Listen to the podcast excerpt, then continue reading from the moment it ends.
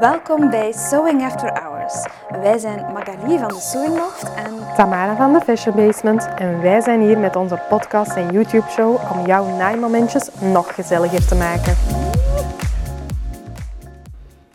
Welkom bij een nieuwe aflevering van Sewing After Hours. Vandaag gaan we het hebben over het dilemma: is katoen altijd goed en polyester altijd slecht? Want daar wordt heel veel over gezegd. En dat is een heel delicate kwestie ook wel Ja. eigenlijk. Hè? ja, we hebben even ook getwijfeld van hé, wat kunnen we erover vertellen en wat, wat, eh, welke insteek hebben we er uiteindelijk over. Want dat is nu heel veel de vraag. Ja. Eh, ofwel zeggen mensen, ja maar ja, het moet eh, gecertificeerd katoen zijn. Ja. Het mag zeker geen polyester zijn. En ehm, ik wil dat toch even een paar mythes van uit de Mhm. wereld helpen. Please do. Please do. En ehm, nu, polyester, ik denk dat de meeste van ons nog altijd dat idee hebben van zo dat jaren 90 polyester, of dat zeer goedkoop polyester. Eh, stinkt, zweet, Ja, Voelt heel koud. plastiek. heel plastiek. Allee, vaak ook zo heel shiny, dat je ook gewoon denkt van oef, wat is dat? Alleen Ja. al op het zicht. Ja, ja. Maar polyester heeft ook heel veel voordelen uiteindelijk. hè. Absoluut, dat wel Want, zijn. want het kreukt niet, hè. het valt gewoon soepel, het valt gewoon door. Ja. Het is veel slijtvaster. Ja, hè. zeker. Ehm, ik weet niet wat zou je nog van, voordelen zeggen. Ja, bij polyester, wat ik altijd een voordeel ook wel vind, is bijvoorbeeld, allee, om het even gewoon gemakkelijk te nemen, ehm, ja, je moet daar niet zoveel aan strijken. Hè. Ik Ja. strijk niet graag, dus ik vind, ik vind dat heel fijn dat je daar niet veel aan moet strijken. Ja. Ehm, en ik vind ook wel gewoon dat er, eh, ja, er is zoveel verschil in polyester. Als je even heel eerlijk gaat kijken, een bruidsatijn is heel vaak in polyester. En dat is super mooie kwaliteit. En dat is helemaal niet ehm, stinken en lelijk en, en zo van die goedkope ja, rommel, wat, dat je, wat dat ook gewoon niet aangenaam voelt op je, op je lichaam. Dus ja, ik denk echt wel polyester dat daar veel meer positieve eigenschappen aan zijn, dat de mensen beseffen. Ja. En dat we daarin moeten een beetje leren begrijpen ook ehm, dat katoen niet altijd de beste keuze is voor alles wat je gaat maken.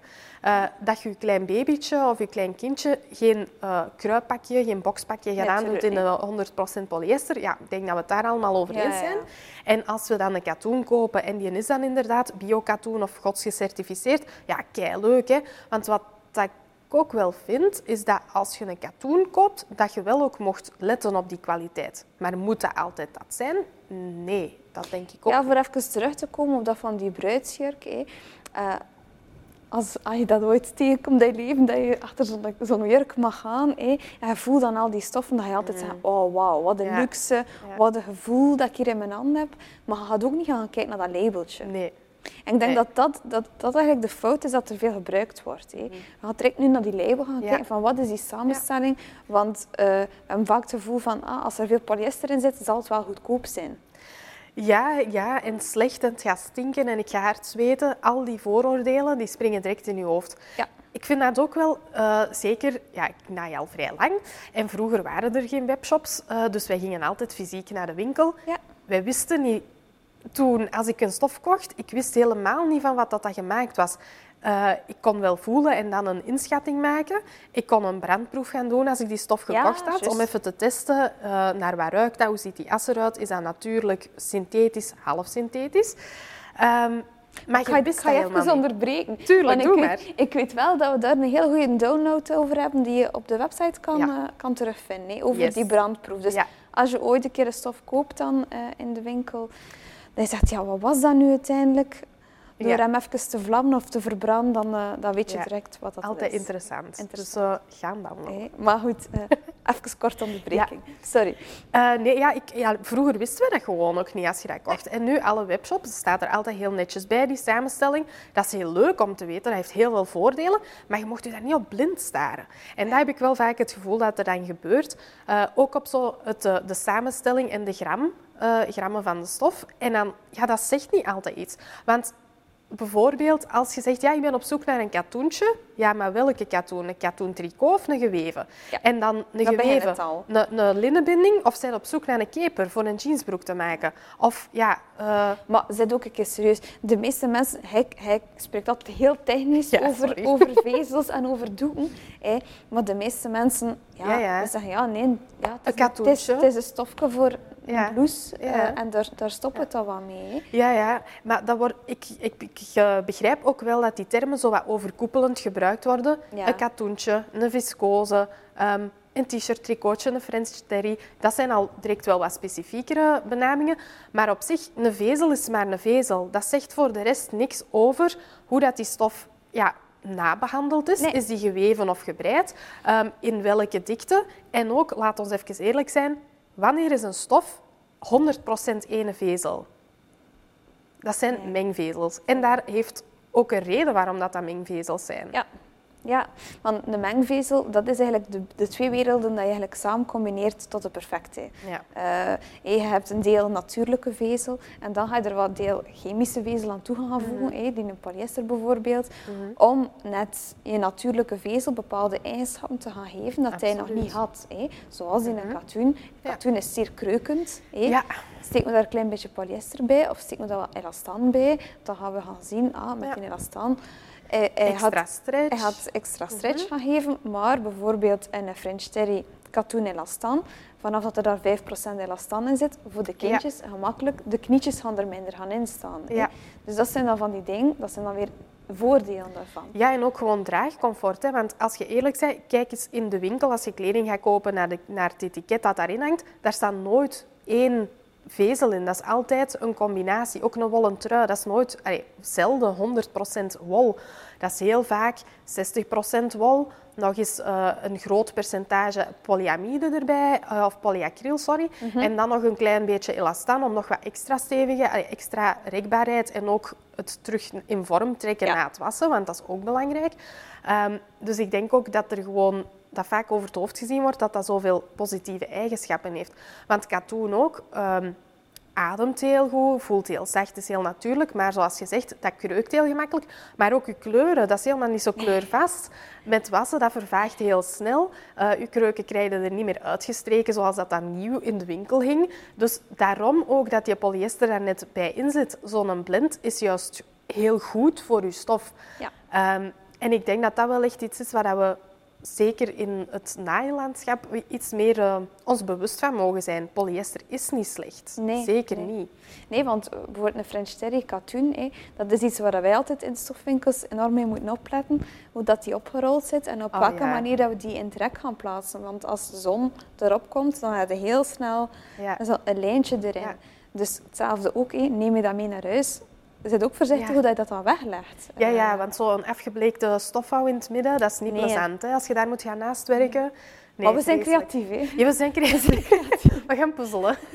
Dan is het maar te hopen dat we twee stofvouwen hebben aan onze middenvoor en middenrug. Dan kunnen we er twee maken. Ja, we Maar- kunnen een beetje spelen. Maar ja, dat is niet altijd het geval. Hè? Maar ja, ja, dat is zo. En eh, wat ik allee, ook wel het vermelden waard vind, eh, want allee, ik denk dat we ondertussen ook meer en meer met milieu bezig zijn. Ja, Ehm, katoen is niet per se de meest milieuvriendelijke vezel, ook niet. maar je moet daar niet voorzichtig zijn, Ja, bij polyester is dat direct, ah ja, dat is chemisch, dat is niet goed, punt. Ja, dat is niet goed voor het milieu, want dat komt uiteindelijk van olie. Ja. Aardolie, zoals alles wat dat plastic is. Want uiteindelijk is het dat, hè. polyester of polyamide, polyacryl, maakt niet uit, elastaan, ehm, allemaal olie.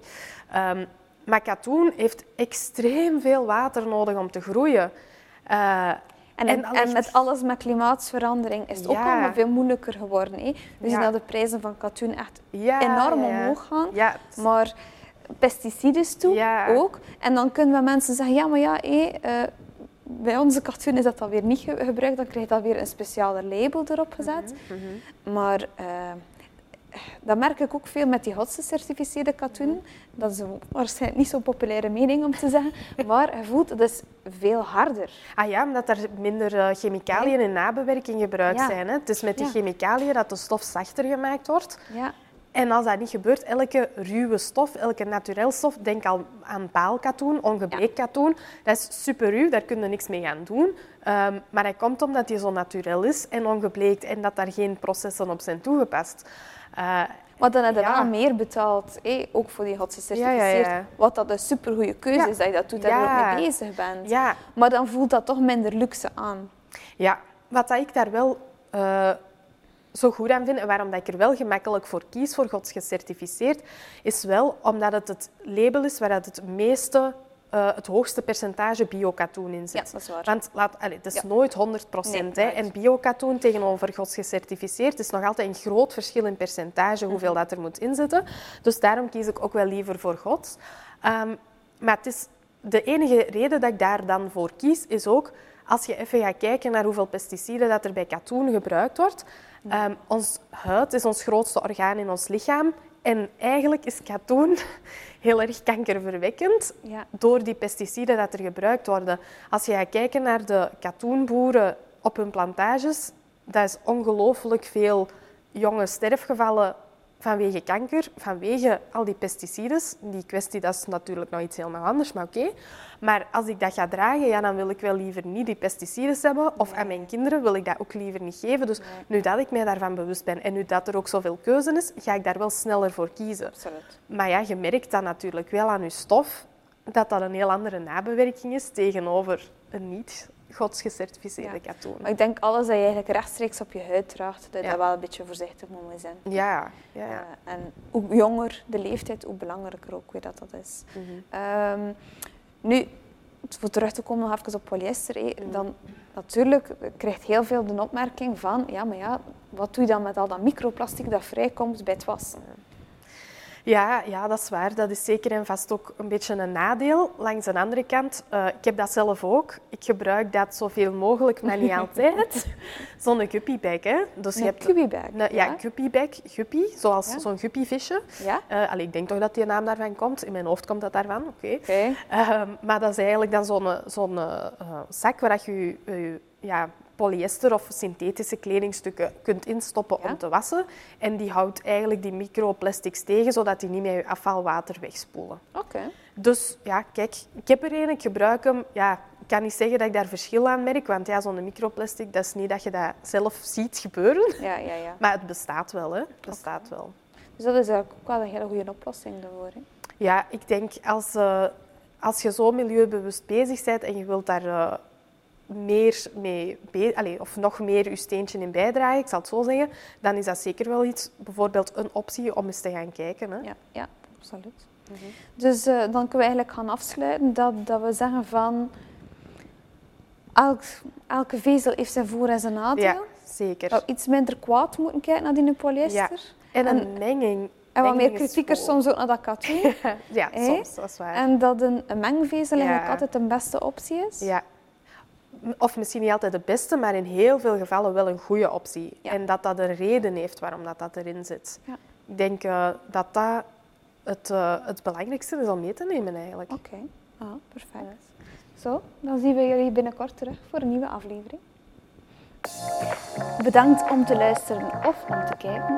Weet, wij zijn er elke woensdag opnieuw met een nieuwe aflevering, dus... Abonneer je zeker op onze podcast en ons YouTube-kanaal als je geen enkele nieuwe aflevering wil missen. Eh, volg ons ook zeker op Instagram en Facebook en we zien je heel graag volgende week weer terug voor een nieuwe aflevering.